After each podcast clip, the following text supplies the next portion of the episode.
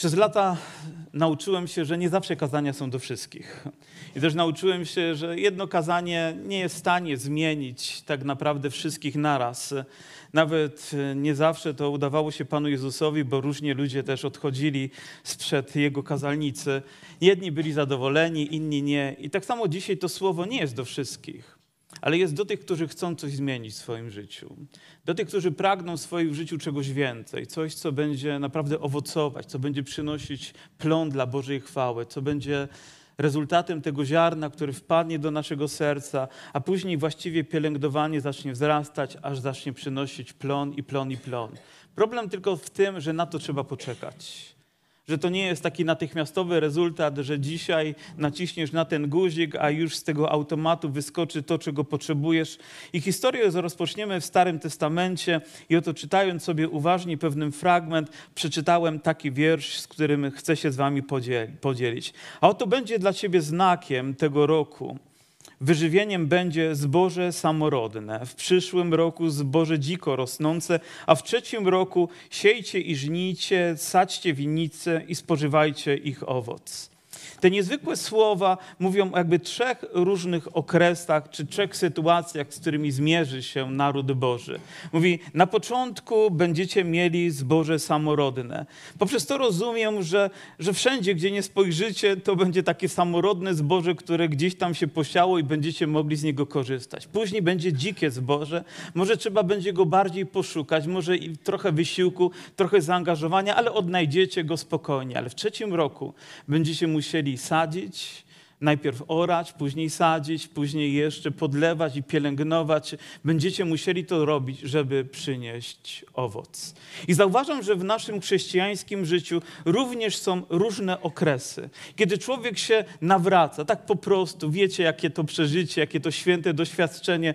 Nie wiem, jak to jest, ale wszystkie modlitwy są wysłuchiwane. Powiem, na każdą rzecz, Bóg nawet wskazówki cofa. Powiem, autobusy przyjeżdżają o czasie, albo jeżeli trzeba, to się spóźnią dla nas. Modlimy się o słoneczko, jest słoneczko, modlimy się o deszcz, pada deszcz. Nie wiem, jak to jest, ale mam wrażenie, że wszystko gdzieś na kroku, za każdym krokiem, co byśmy nie wypowiedzieli i trzeba uważać na słowa. Powiem, Pan Bóg odpowiada, zdarzyło to się wam? Ale później czas upływa i zaczynamy walczyć w modlitwie. Że musimy trochę bardziej intensywnie poczytać jeszcze do tego trochę Biblii. I przychodzi czas, kiedy Bóg chce, żebyśmy jeszcze coś więcej uczynili. A więc być może ktoś z nas jest w tym pierwszym okresie, drugim albo trzecim. I zwłaszcza do tych trzecich chciałbym powiedzieć, jeżeli chcesz zobaczyć plon, to musisz zaangażować w to całe swoje serce. Musisz nie tylko myśleć o tym, czego potrzebujesz, ale jeszcze włożyć w to to, co sprawi, że ten plon zostanie przyniesiony. I tak samo jest w naszym życiu, tak samo jest w moim sercu. Zauważam, że aby rzeczy osiągać, nie tylko potrzebuję spojrzeć w niebo i co też czynię, ale potrzebuję też spojrzeć w moje życie, spojrzeć w moje serce i też uczynić to, czego Bóg chce.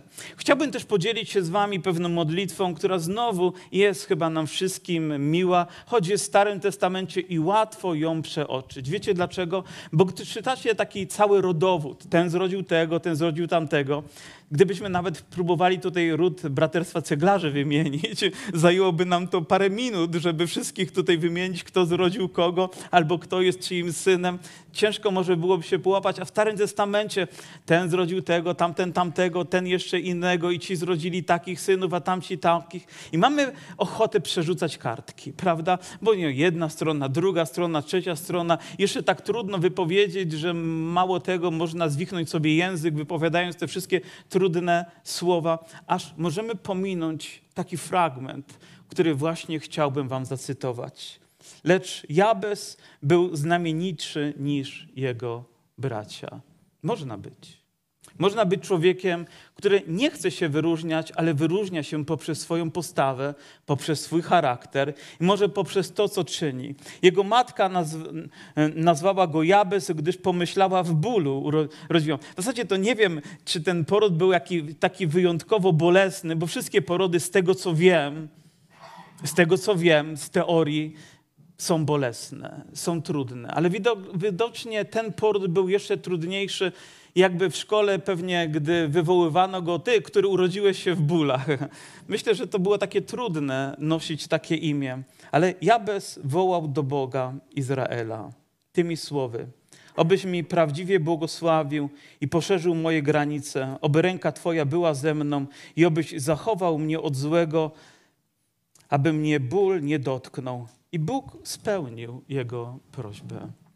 I za każdym razem, gdy dochodzę do tej modlitwy i do tego, że Jabez wołał do Boga, może właśnie to go wyróżniało, może właśnie to wyróżnia ciebie spośród twoich kolegów, przyjaciół, że masz odwagę zwracać się do Boga, że wiesz, od kogo zależy twoje życie, że wiesz, gdzie jest prawdziwe źródło, z którego możesz czerpać to, czego prawdziwie potrzebuje twoje serce, a więc wyróżniaj się w ten dobry sposób. Gdy ludzie, nie wiem, szukają odpowiedzi gdzieś, gdzie nie powinni, ty zwracaj się do wszechmogącego Boga, bo z pewnością pewnością On nie pozostawi cię bez odpowiedzi, ale modli się o to, żeby Pan poszerzył, poszerzył, poszerzył Jego granice. Myślę, że w tych słowach nie było tylko to, że chciał więcej na koncie, że chciał więcej środków, ale On chciał więcej Bożego działania w swoim życiu. On chciał widzieć Boże odpowiedzi. I może również i Ty dzisiaj na tym miejscu jesteś w takiej oto sytuacji, że potrzebujesz usłyszeć Bożą odpowiedź, ale może to, czego Bóg potrzebuje od Ciebie, to żebyś poszerzył poszerzył granice swojego serca, żeby Bóg jeszcze więcej mógł umieścić tam swojego dobra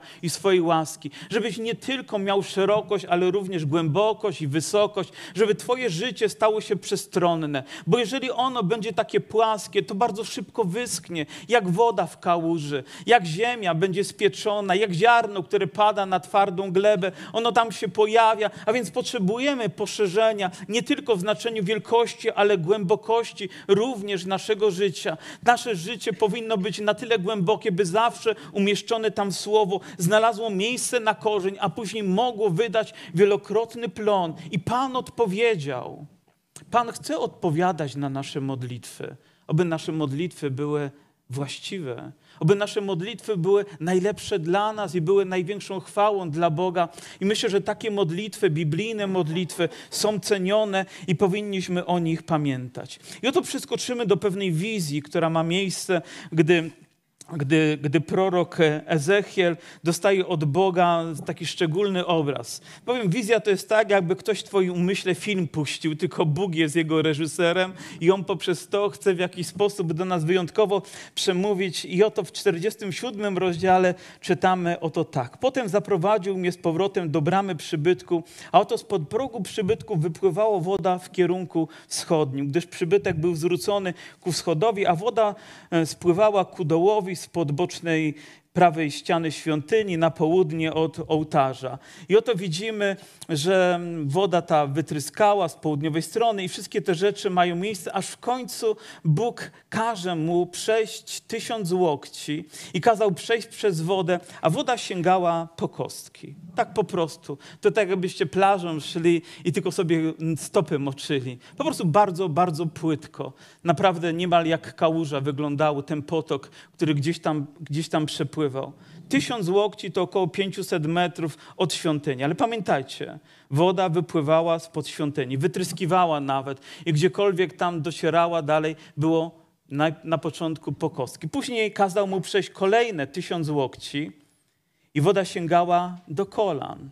I znowu odmierzył tysiąc łokci, kazał przejść przez wodę i woda sięgała do pasa. I znowu odmierzył tysiąc łokci, a więc wygląda na to, że już cztery tysiące łokci, to około dwóch kilometrów.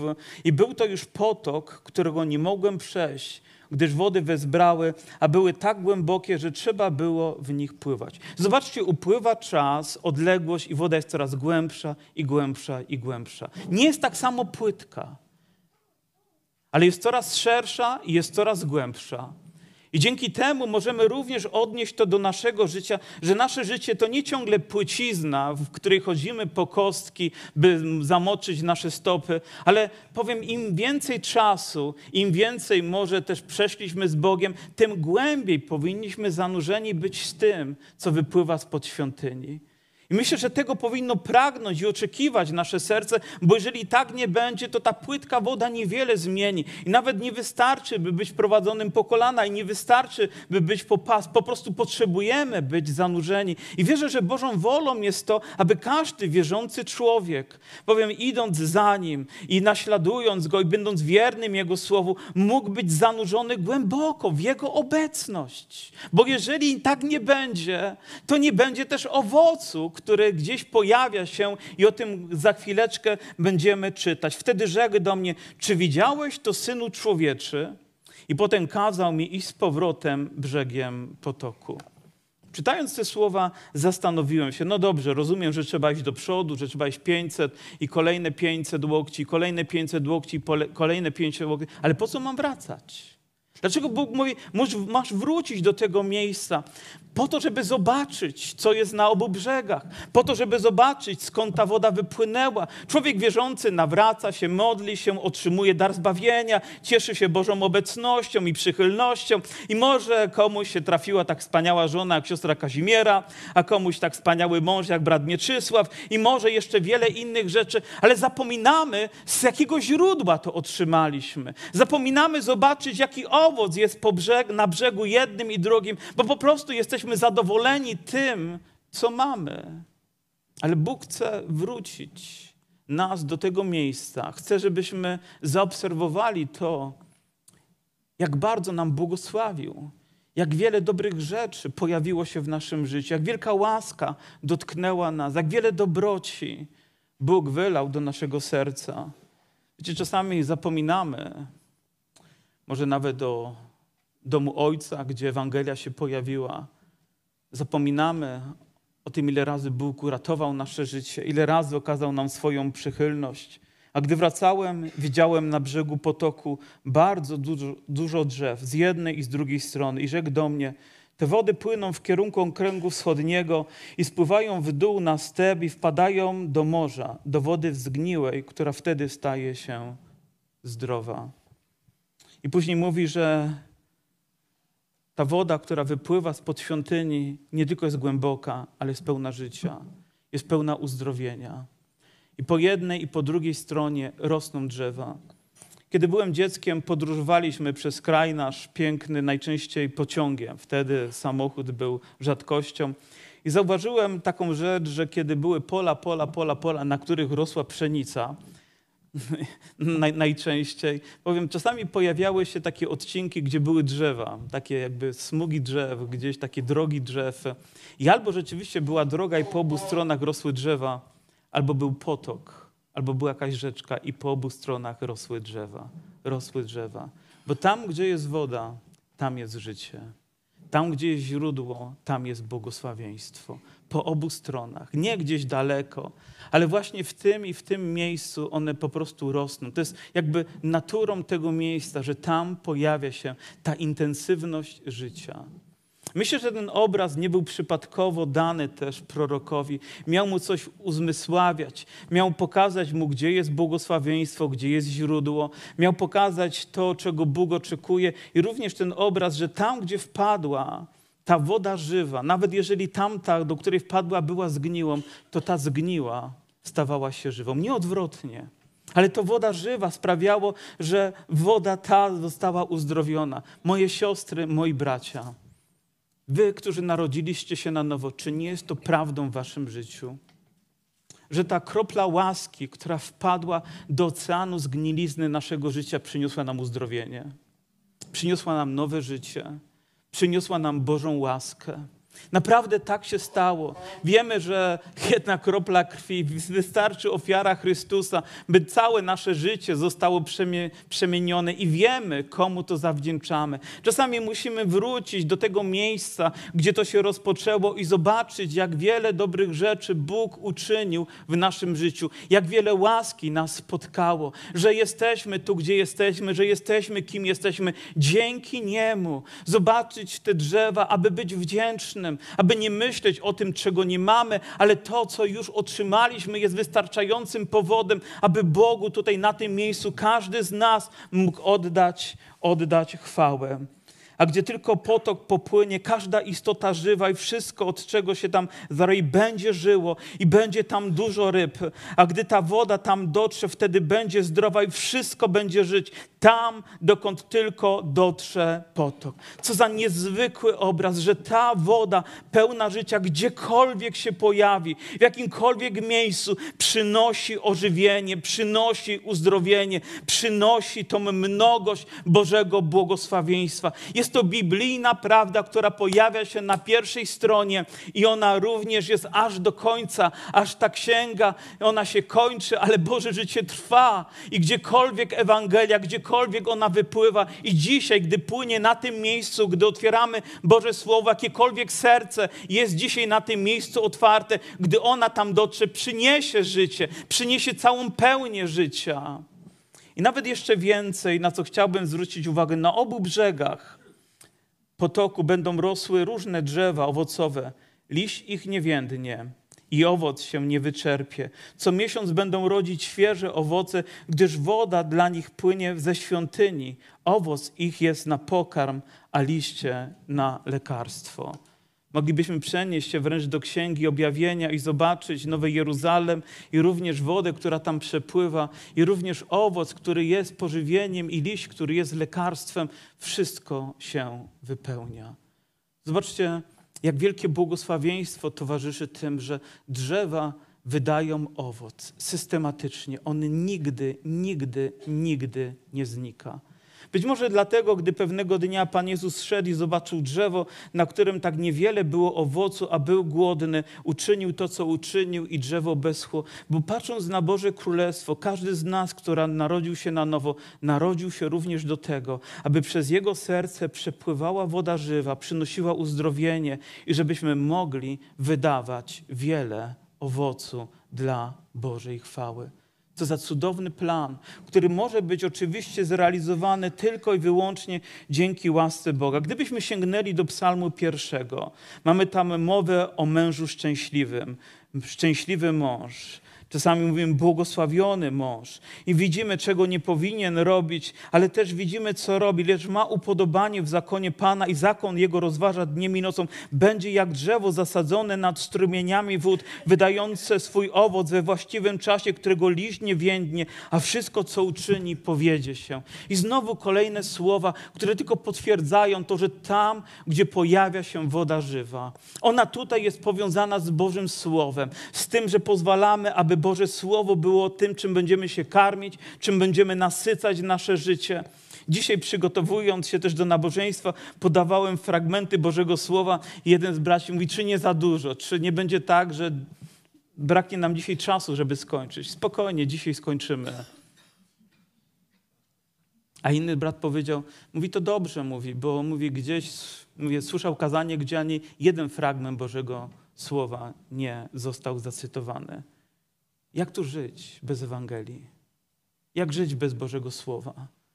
Myślisz, że wystarczy Twój intelekt, Twoja zdolność? Czy wystarczy kolejny temat, który będzie emocjonalny? Moja siostro, mój bracie, jeżeli chcecie wydawać owoc, potrzebujecie Bożego Słowa. Potrzebujecie, żeby ono zostało umieszczone w waszym sercu. A Biblia mówi, że będziecie wydawali owoc we właściwym czasie, a liść nie będzie nawet więdł i wszystko, co uczynicie, powiedzie się. Myślę, że na to wszyscy moglibyśmy powiedzieć Amen. I chciałbym przeskoczyć znowu kilka ksiąg i wskoczyć do Nowego Testamentu, do wyjątkowej Ewangelii, do Ewangelii Jana. I oto w siódmym rozdziale, w 37 wierszu czytamy oto tak, a w ostatnim dniu, wielkim dniu święta stanął Jezus i głośno zawołał, jeśli kto pragnie, niech przyjdzie do mnie. A kto wierzy we mnie, jak powiada pismo, z wnętrza jego popłyną rzeki wody żywej.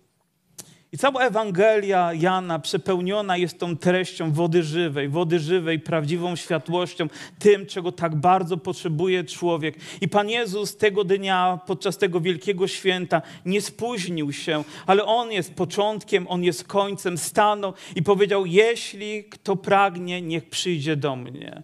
Zauważam, że Pan Jezus nie mówi, poczekaj, ja do ciebie przyjdę, czego byśmy oczekiwali, ale On mówi też, wy macie przyjść do mnie. Macie przyjść do mnie, a ja wam dam wody żywej i będziecie nasyceni. Tak jak tej Samarytance przy studni. Ona tam przychodziła spragniona i spragniona i spragniona. Mówi, ale wodę, którą ja ci dam, ona spowoduje, że już nie będziesz więcej pragnąć, że będziesz tak bardzo nasycona, że twoje życie całkowicie się zmieni.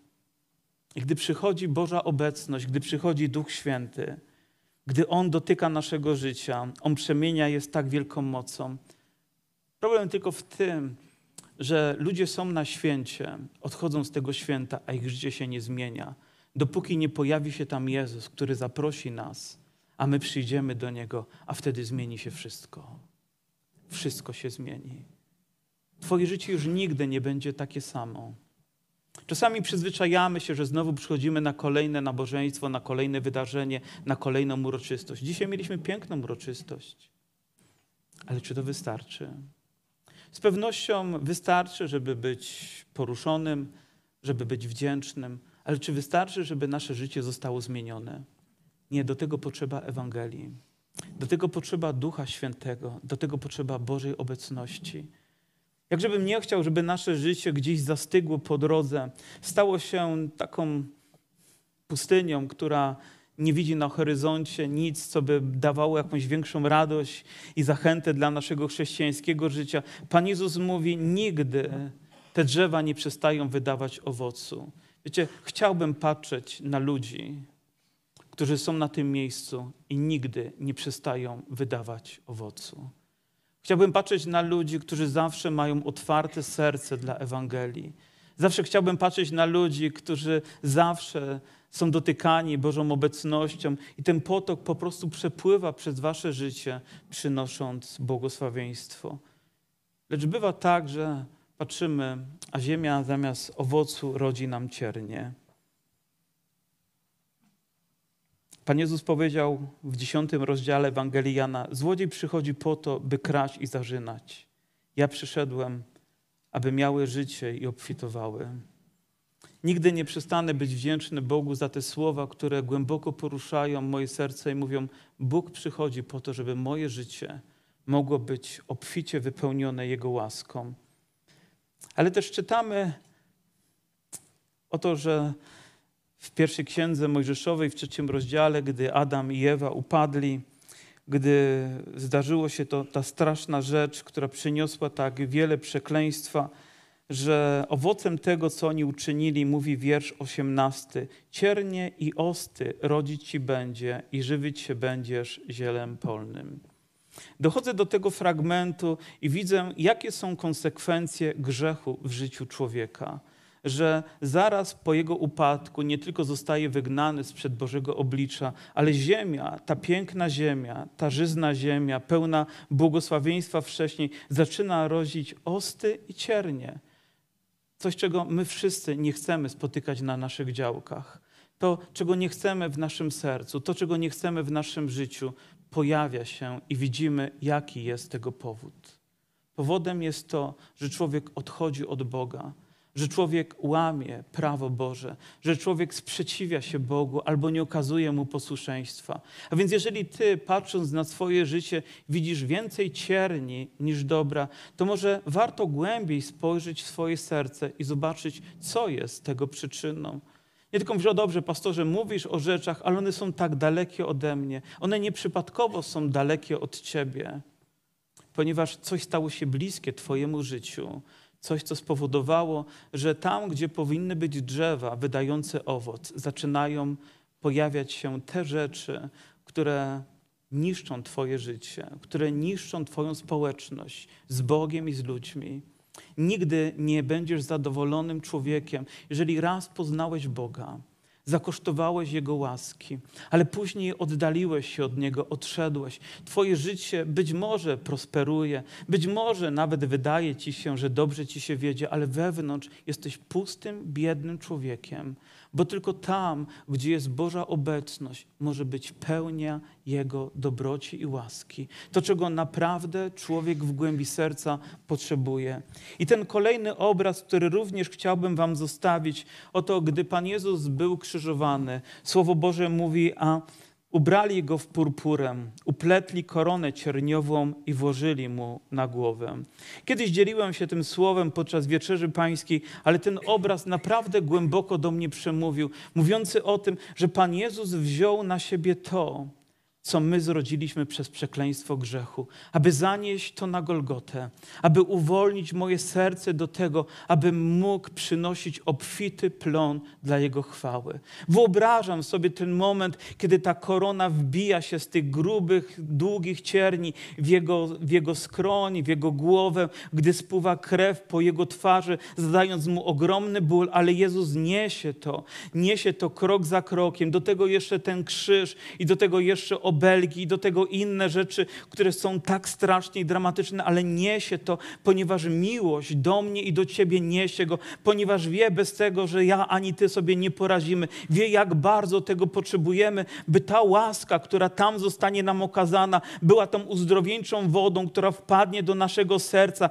i spowoduje, że to, co martwe, to, co przeklęte, to, co suche, to, co niszczące, zaczyna być uzdrawiane, zaczyna być pełne łaski i dobroci. Tego właśnie potrzebujemy. Potrzebujemy Jezusa, potrzebujemy Jego ofiary, potrzebujemy Jego źródła, potrzebujemy Jego mocy, aby przynieść obfity plon dla Jego chwały. Jest źródło, które nigdy się nie wyczerpie. Jest słowo, które nigdy nie traci mocy. Na rozpoczęcie naszego nabożeństwa czytałem to słowo, że bojaźń Pana jest początkiem naszej mądrości, jest poznaniem naszym Boga. I wiecie, nie wiedziałem nic na ten temat 40 temu, ale dzisiaj wiem więcej. Dzisiaj rozumiem więcej, dzisiaj przyjmuję więcej i dzisiaj tak samo potrzebuję Jezusa jak 40 lat temu. I nie chcę, by zastygło, by, by moje życie się wyjałowiło. Ja chcę, żeby ono było pełne życia, pełne łaski Boga.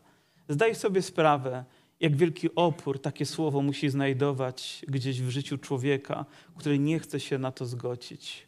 Jak wielka łaska pojawia się tam, gdzie ta woda zaczyna się pojawiać. Może ktoś z Was dzisiaj został przyprowadzony do tego miejsca, aby na nowo Twoje życie ożyło, abyś na nowo zaczął wołać jak Jabez, Boże, poszerz, poszerz moje serce, poszerz moje życie. Panie, na nowo potrzebuję Twojej łaski. Panie, na nowo potrzebuję wydawać owoc. Na nowo pragnę żyć całą pełnią. Przez 40 lat Jezus nigdy mnie nie zawiódł. Ja wielokrotnie, ale On nigdy mnie nie zawiódł. I wiecie co? On nigdy mnie nie zawiedzie. Nigdy nie zawiedzie Ciebie, moja siostro i mój bracie. I On ma plan dla Twojego życia, abyś mógł przynosić obfity owoc. Aby Twoje serce mogło być pełne łaski. Co potrzebujesz zrobić?